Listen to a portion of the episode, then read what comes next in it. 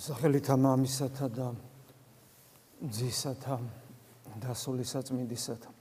ვიზეიმეთ ნათლისღება, გავიხსენეთ საფრთხო ისტორია, როგორ გამოდის უფალი საზოგადოებრივ მოღვაწეობას, როგორ იწყებს, იწყებს სიტყვებით, რომ შევინანოთ რამე თუ მოახლოებულ რა სასუფეველი ცათა. დავიწყოთ, გარდავიქმნათ, გარდავისახოთ, შევიცვალოთ.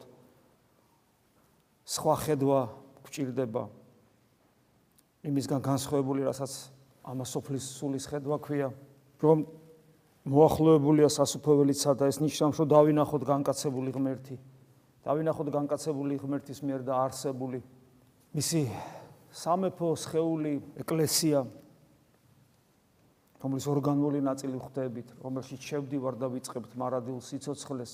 შემდეგ ქადაგებდნენ მისი მოწაფეები, მოციქულები, აგზელებენ მის საქმეს სულთმოფენობის მერე. და ესე 2000 წელია მუდამ ყოველ ჟამს, ყოველ ეპოქაში, ყოველ წელს, ყოველ დღე ხდება კლავ და კლავ გაცოცხლება, აქტუალიზება აი განსაცვიფრებელი სიტყვებისა შეინანეთ რამე თუ მოახლოებულ არ სასופველიცათა. ვიღაცა მისმინა და ვიღაცა მარისმინა, ზოგმა მიიღო და ზოგმა არ მიიღო. საოცრება არის ის, რომ ზოგ შემთხვევაში მთელმა ერებმა მიიღეს, ერებმა ღვთის სიტყვა. ეს ძალიან უცნაურია, იმიტომ რომ ერთის ხრი ღმერთი მოვიდა ამისათვის რომ დაეარსებინა ეკლესია და ეკლესია არის ერთობა. ეს არ არის რაღაც გათვითკაცებული ინდივიდუალისტური რელიგია ქრისტიანობა. ქრისტიანობა არის ძმობის ერთობის ღვთისშვილობის სარწმუნოება როცა ჩვენ ყველანი ერთად ხარობთ რო ღვთისშვილები ვართ და ეს არის ეკლესია ხო მისტიკური კავშირია ჩვენ შორის იმიტომ რომ ჩვენში ქრისტეს სისხლია და საფრთხო სულია ერთის ხრი ეს ეს ერთობა, ერთობის გარეშე ქრისტიანობა არ არსებობს, მაგრამ მეორე მხრივ, ამ ერთობაში შემოვალი ადამიანები თვითონ ინდივიდუალურად იღებენ რწმენას თავის გულში, გულს უხსნიან. ამიტომ, როდესაც ქრისტე ქადაგებს და როცა მოციქულები და ეკლესია ქადაგებს და ამით ისევ ქრისტე ქადაგებს, ადამიანები ინდივიდუალურად იღებენ რწმენას და შემოდიან ამ ერთობაში. ამიტომ კიდევ ერთხელ ვიმეორებ, ყოველასთვის მოვიდა, მაგრამ მთელი სამყარო ამას ვერ იღებს. ჩვენ ხო ვიცით, რომ საბოლოო ჯამში უფლის დაბრუნებას რა განაპირობებს ანტიქრისტეს სრული გამეფება სამყაროში გარდა რაღაც მცირეოდენი კუნძულებისა და უფალი ესე ახასიათებს ამ სამყაროს რომ მე რომ მოვალ ვიპოვიკია სარწმუნოებას ვიპოვიკია სარწმუნოებას. ამის გათვალისწინებით უბრალოდ განსაცვიფრებელია როდესაც მოციქულები ხადაგებენ და ზოგიერთი ერი თლიანად იღებს. ხა აქაც პირობითია მთლიანად რას ნიშნავს მაგრამ იღებს იმგვარად, რომ ამ ერის სახელმწიფოებრიობა, ცხოვრების წესი, ყოფა, კულტურა თლიანად ეფუძნება ქრისტიანობას. ამას აქვს თუ არა მნიშვნელობა ინდივიდებისათვის? ძალიან დიდი მნიშვნელობა აქვს. თითოეულ ჩვენგანს მეტნაკლებად გვახსოვს, როგორ გავხდით ჩვენ ქრისტიანები და უმადურობა იქნება ჩვენი მხრიდან, ჩვენი წინაპრების წინაში გამოხატული თუ ვიტყვით რომ არა კაცო სულ ერთია ჩვენ სადაც არ უნდა დავბადებულიყავი ძალიან იოლად შევიცნობდი ქრისტეს ღმერთობას. ესეა? ესე შეგვიძლია ჩვენ თქვათ? ამგვარად ვარ ჩვენ დარწმუნებული? გასაგებია რომ ჩვენ მრავალი მათგანი მით უმეტეს ვიც ათეისტურ ეპოქაში გავიზარდეთ და საერთოდ ყველა ადამიანი ინდივიდუალურად იღებს ქრისტეს ღმერთობის წმენას. ეს ერთის ხრი მაგრამ ნუ დაგვავიწყდება რომ რა სოციუმში, რა კულტურულ გარემოში ვიმყოფებით.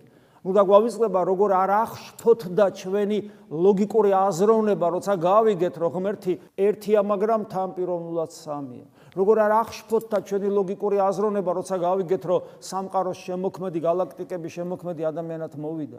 იმიტომ რომ დიახაც რელიგიური ადამიანთა უდიდესი უმრავლესობა სამყაროში დღეს ყოველ შემთხვევაში, იმიტომ რომ ქრისტიანობის დომინანტობა რაოდენობრივი მაჩვენებლებით, მაჩვენებლით ხონელელა იკლებს სამწუხარო რეალობაა ეს.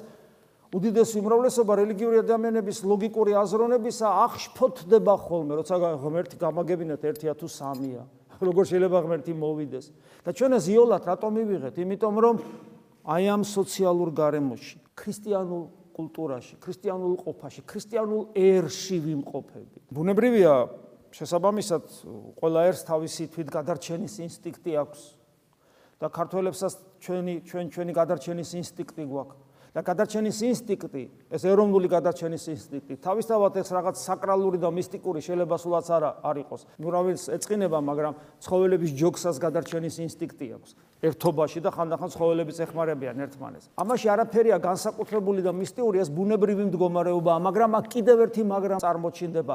ჩვენი გადარჩენის ინსტინქტი, როცა ჩვენ გვინდა გადავრჩეთ, როგორც ყველა ერთს უნდა გადარჩეს და ვიბრძვით ჩვენი დამოუკიდებლობისათვის, ჩვენი გადარჩენის ინსტინქტი თან წაიყოლებს იმ ღირებულებას, რასაც მარადიული სიცოცხლე გვია, ანუ ჩვენ რო გვინდა ჩვენ გადავრჩეთ, ჩვენთან ერთად ჩვენში გადარჩება ქრისტეს ეკლესია. ჩვენთან ერთად ჩვენში გადარჩება ის საოცარი კულტურა, რომელიც ქრისტიანობიდან არის აღმოცენებული. ეს ნიშნავს იმას, რომ აქ დაბადებული ბავშვები თაობიდან თაობამდე იზრდებიან ამ კულტურაში ეიოლებად, ეიოლებად ქრისტეს შემეცნება, როგორც ღმერთისა, ეიოლებად ყოვლადწმიდა სამება ღმერთის შემეცნება, ეიოლებად ეკლესიის დანახვა, როგორც ქრისტეს მისტიკური სხეულისა.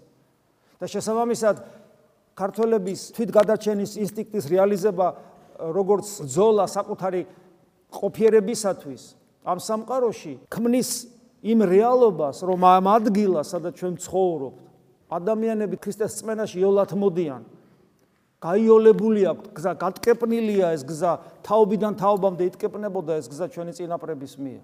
შესაბამისად, ქართულ სინამდვილეში საქართველოს სახელმწიფო და ეკლესია თანხმედრაში მოვიდა ერთმანეთთან.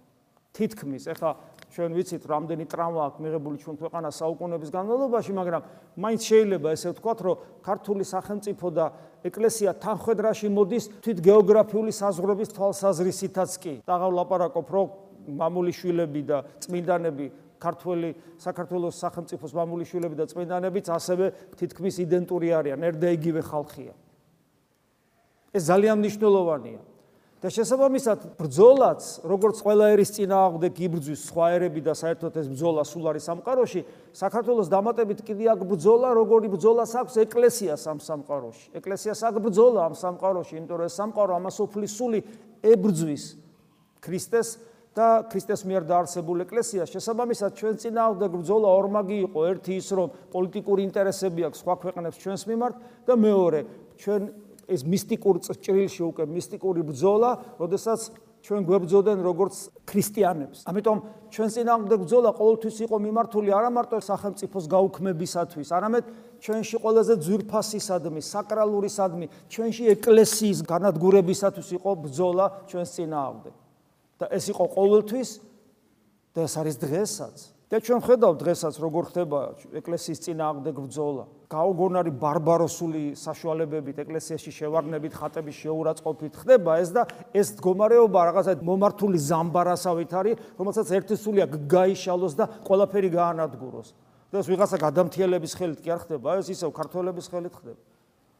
და აი აქ ბუნებრივია თვითგადაჩენის ინსტინქტი ზოგადად მუშაობს ამ დროსაც და როდესაც ერს განადგურებით რაღაც გარეძალა თუ შინაგანი მტრობა, რომელიც ისევ გარეძალასთან თანამშრომლობს, ემუქრება განადგურებისათვის ბუნებრივია ჩვენი აღშფოთება და ჩვენ ვიწყებთ თავდაცვას, თავდაცვას ჩვენი ერისა, ჩვენი ღირებულებებისა, რომელშიც შედის ეკლესია. და აი აქ არის უკვე ჩვენი მთავარი პრობლემა. ჩვენ ვიცავთ ეკლესიას როგორც ჩვენი ერის ჩვენი სახელმწიფოებრიობის, ჩვენი ეროვნულობის, ჩვენი თვითყოფადობის, ჩვენი კულტურის განუყოფელ ნაწილს.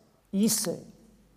რომ შეიძლება ქართველები ვართ და შეიძლება სამშობლო გვიყვარს, მაგრამ ჩვენ ვიცავთ ჩვენს ქვეყანას და განუყოფელია ეს ეკლესიისაგან და შესაბამისად ჩვენ ვიცავთ ეკლესიას და ვართ აღშფოთებული, როცა ეკლესიის წინააღმდეგ რაიმე ცუდი ხდება, ვიცავთ ეკლესიას ისე რომ მისი წევრნი არა ვართ, ნომინალურად მონათლულები ვართ, მაგრამ ეს ხო ვიცით არაფერს ნიშნავს, ბევრს. ბევრს არაფერს ნიშნავს, ეს არის მიძინებული პოტენცია, ნომინალურობა და არა რეალური მოქალაქეობა ზეცისა, რომელსაც ნამდვილი ეკლესიურობა ქვია. ჩვენ ვიცავთ ჩვენ სამშობლოს და ვარ ჩვენი სამშობლოს აქტიური წევრნი, მაგრამ ჩვენ ვიცავთ რა ეკლესია სამშობლოსთან ერთად ჩვენ არა ვართ ეკლესიის აქტიური წევრნი და ამიტომ ჩვენს ბრძოლას ბოროტის წინააღმდეგ ძალა არა აქვს.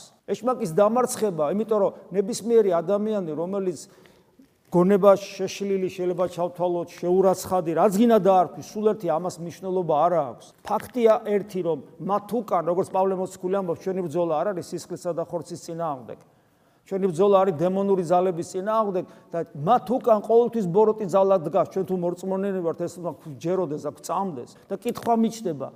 შენ რომელსაც კავშირი არ აქვს ქრისტესთან აქტიური სულიერი ცხოვრებით. როდესაც შენი სარწმუნოება მხოლოდ გულში ჯიღის დარტყმით გამოიხატება და სადღე გძელოთი, როგორ უნდა დაამარცხო? შეიძლება ვიღაც ადამიანი, ვიღაც ადამიანი დააკავო, ვიღაც ადამიანი შეიძლება კანონი მიიღო, დაიჭირო, მაგრამ ეშმაკს როგორ დაამარცხო? და ვერ დაამარცხე. ამიტომ ჩვენს ქვეყანაში დაუსრულებლად ვერ ვიმარჯვებთ ქრისტიანები, ვერ ვიმარჯვებთ. შეიძლება ვერც მარცხდებით, მაგრამ ეს ჩვენი დამსახურება არ არის ღვთისწყალობა და მადლია ჩვენზე, მაგრამ ვერც ვიმარჯვებთ. რამდენი საუკუნია უკვე ვერ ვიმარჯვებთ. სიწმინდისათვის ბრძოლა სუფთა ხელებით და წმინდა გულით არის შესაძლებელი მხოლოდ. ეშმაკი მხოლოდ დაიძლება ლოცვითა და მარხვითა, როგორც უფალი ამბობს. არა, რაღაც გულში მჯიღის დარტყმი და ურა პატრიოტული მოტივებით და ყვირილით. ვერ აჯობებ ეშმაკს, ვერ აჯობებ ეშმაკს.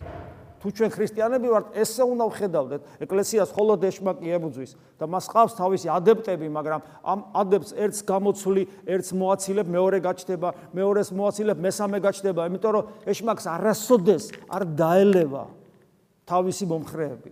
როგორც ძველ ახმაში წმინდა წერილში ვკითხულობთ, ოხრის შვილები უფრო ბევრი არიან, ვიდრე პატიოსანი ადამიანის შვილები. გესმით, უფრო მეტნი არიან რაოდენობრივი მაჩვენებელით ისინი, არ დაგვავიწყდეს ეს.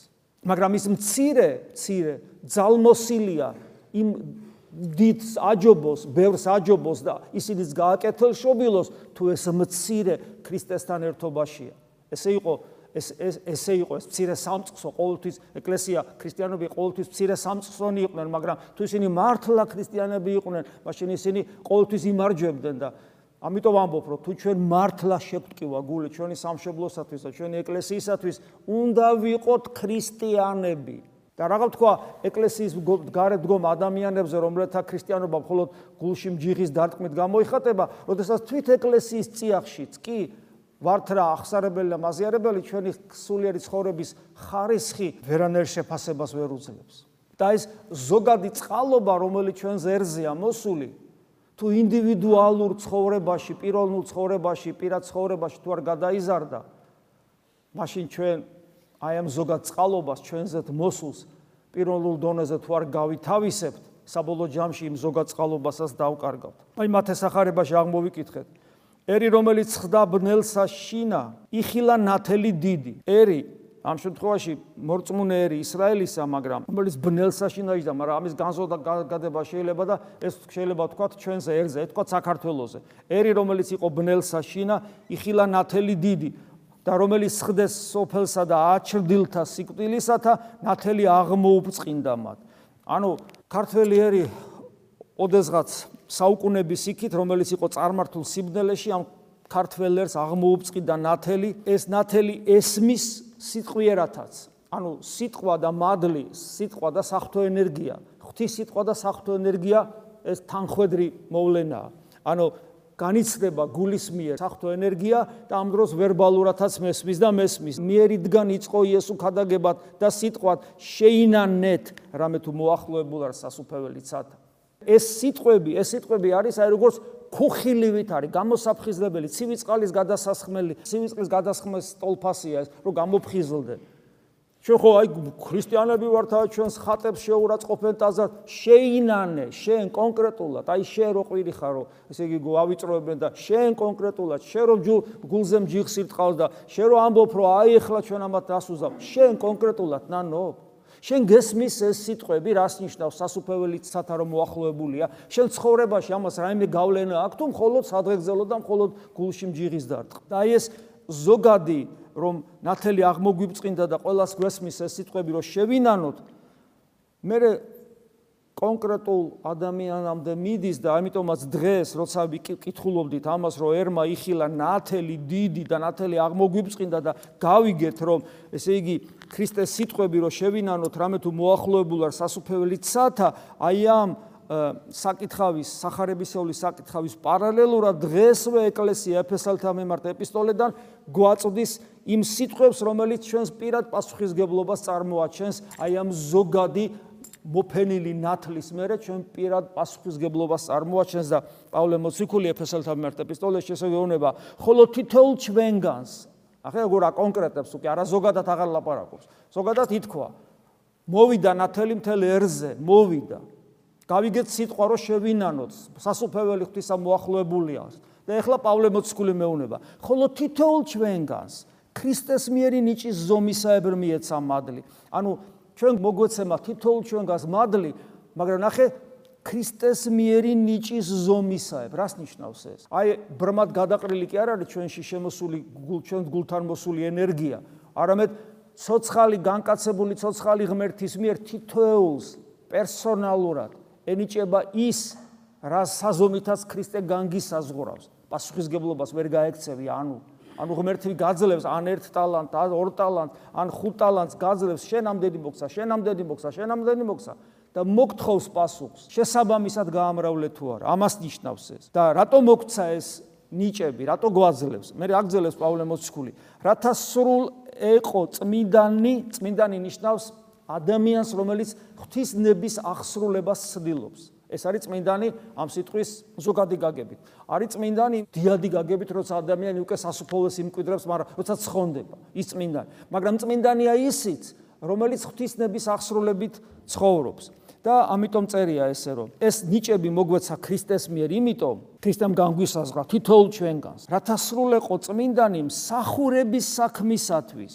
ანუ ნახეთ, იმიტომ კი არ გვაძლევს რომ აა მორწმუნე გავხდი, მოვედი და ამის მერე იწყება ჩემი ინდივიდუალური მსახურება. მოვედი, ახსარება ვთქვი, ვეზიარე, დავკმაყოფილდი.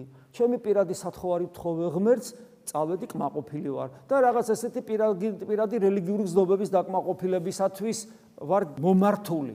როგორი ეგოისტიც ვიყავი, იგივე ეგოისტად დავრჩი. ოღონ ადრე მარტო ხორცს ვასიამოვნებდი და ახლა სულსაც ვასიამოვნებ და რეალურად არაფერი არ იცვლება. ეგოისტი ეგოისტად დარჩება. ამიტომ პავლე მოციქული გეუბნება, რომ სრულეყო წმინდანი, ანუ ბერო ღვთისნები ცხოვრება მინდა, ჩემი ღვთისნები ცხოვრება უფრო და უფრო მეც სისრულეში და სისავსეში შევიდეს.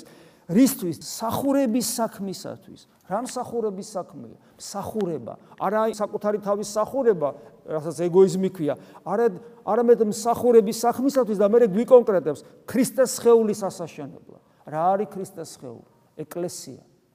ეკლესია. ეკლესიის ამ სულ ამბობთ ხოლმე. ვისაც ეკლესიის სიყვარული არ აქვს ის ქრისტიანი არ არის და ეკლესიის სიყვარული აბსტრაქცია არ არის. ეკლესიის სიყვარული ვლინდება პირველ რიგში ღვთისახურებისადმი სიყვარულში, ერთმანეთისადმი სიყვარულში და სამრევლო ცხოვრებისადმი სიყვარულში. როდესაც შენ ხდები პატრიოტი შენი სამრევლოს, შენი ტაძრისა, შენი ძმებისა, დებისა, შენი მოძღვრებისა, გესმის და შენთვის ეს ოჯახივით იქცევა.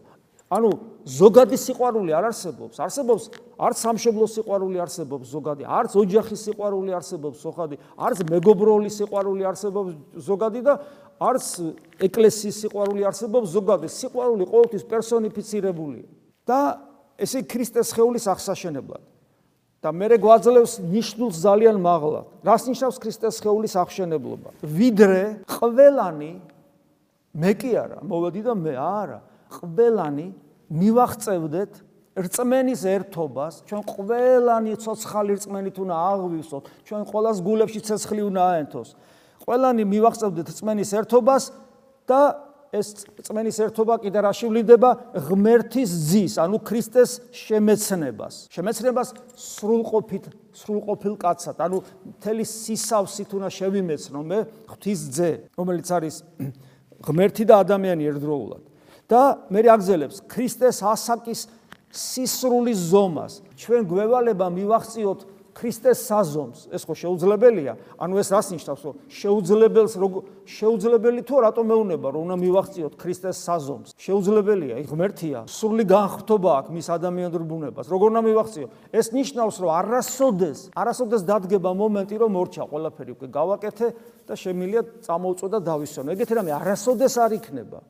ყოველთვის რაც არ უნდა ვაკეთო მე, აი როგორც ადრე გითხარით ერთ-ერთი წმინდანის გამონათქვამი, ა ブラ ამი რომელმაც საკუთარი შვილიც კი გაიღო, ყველაზე ძვირფასიც კი გაიღო ღმერთისათვის, რომ წარსდგებაო ღვთის წინაშე აბრამი საშნელ სამსჯავროზე. სინანული ექნება აბრამს, რომ უფრო მეტი ვერ გააკეთა ღმერთისათვის. გამოოგნებელია, მაგრამ ეს წმინდა მამა აბსოლუტურად სწორად ამბობს, იმიტომ რომ ვერასოდეს ვერ გააკეთე მიმდენს, რომ ქრისტეს საზომს მიაღწიო. ეს ნიშნავს შენ შეარი მუდმივი დინამიკის მზაობა, მუდმივი მუდმივი ღვაწლის მზაობა. შემდეგ აგრძელებს.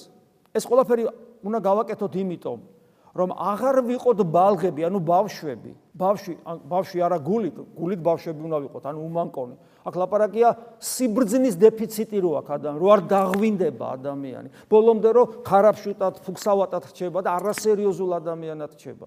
გესმით? ამას ასაკია ხშირად არ შველის, რაც არ უნდა დაბერდეს ადამიანი ხორციელად, შეიძლება ის გარეგნულად და ვინ არის ესეთი ადამიანი, რომელიც ცხოვრება ძალიან ზედაპირულად უყურებს, ხარაფშუტულად და ცხოვრება სიცოცხლის ბოლომდე დაყავს მხოლოდ და მხოლოდ ხორციელ სიამოვნებამდე და ეგოისტურ რაღაც მისწრაფებამდე. ამიტომ გეუბნება და სულიერ ცხოვრებას არ უღრმავდება. კმაყოფილდება რაღაცა, მივედი ახსარება თქვი, პირი გავაღებ ეზიარე, წავედი და რაღაც ეს არ უღრმავდება. ღმერთი უნდა გახდე, ღმერთი. არ უღრმავდება ასევე მიწიერი თვალსაზრისით გარდაცვალებას. გარდაცვალება, ჩვენ რო ჩვენი თავი დაგვანახა.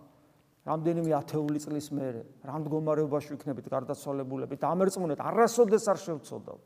არასოდეს რაიმე არამარადიულს გულში არ გავიკარებთ. შეგვეზიზღება ყველაფერი არამარადიული, რომელიც დროს მაკარგინებს. მე რო ჩემი თავი დავანახა, რამდენიმე ათეული შეიძლება ხვალე მოკვდე, მაგრამ რა ვიცი, აი 20 წლის მერე ვთქვა 30 წლის მერე, რა ვიცი, როცა იქნებ.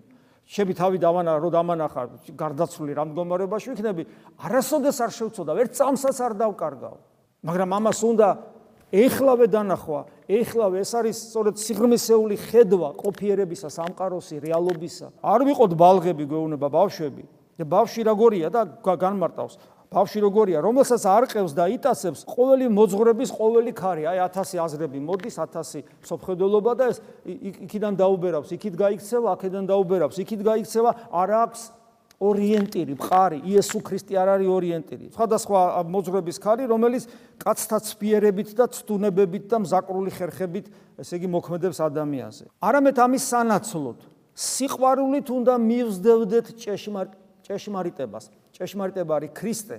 უნდა მივდევდეთ მათ, იმიტომ რომ ეს აღთქმა დადებული გვაქვს, შეუდგებით ქრისტესა. შეუდგებით, ოღონ მივდევდეთ არა იმის გამო, რომ ემან არ დამსაჯოს, მივდევდეთ არა უბრალოდ ვალდებულებით.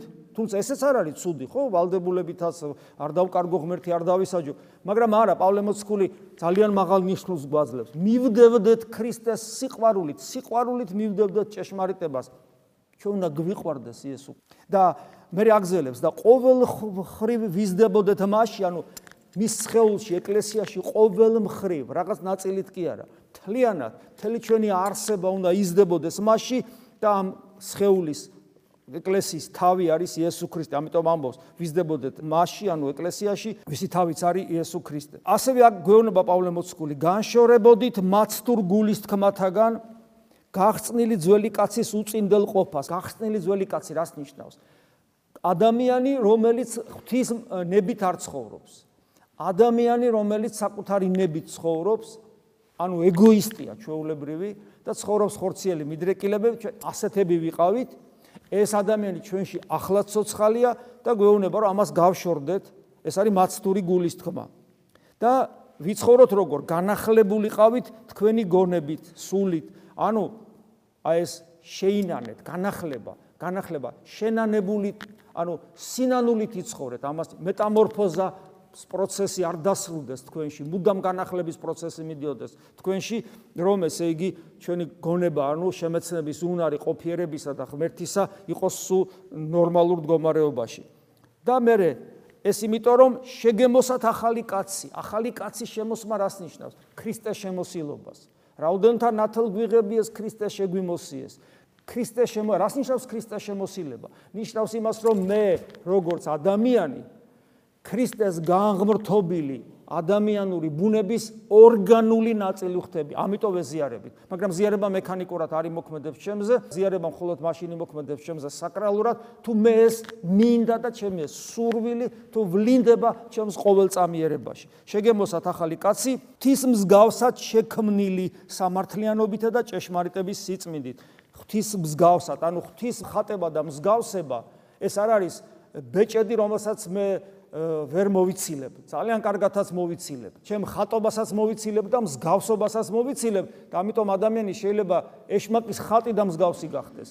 რატომ? იმიტომ რომ ჩემში ეს უნარები, უკვდავებისა, თავისუფლებისა, შემოქმედებითობისა, გონიერებისა თუ არ გამოვიყენეს სწორად და მიუმართე ღვთისაწინააღმდეგოდ, ყველაფერს დავკარგავ. ახალი ადამიანი უნდა შევიმოსოთ და ეს ახალი ადამიანობის შემოსვა და ხე ღვთის მსგავსად შექმნილი სამართლიანობით და ჭეშმარიტების სიწმინდით ცხოვრების წესი პრაქტიკაში ვლინდება როგორ?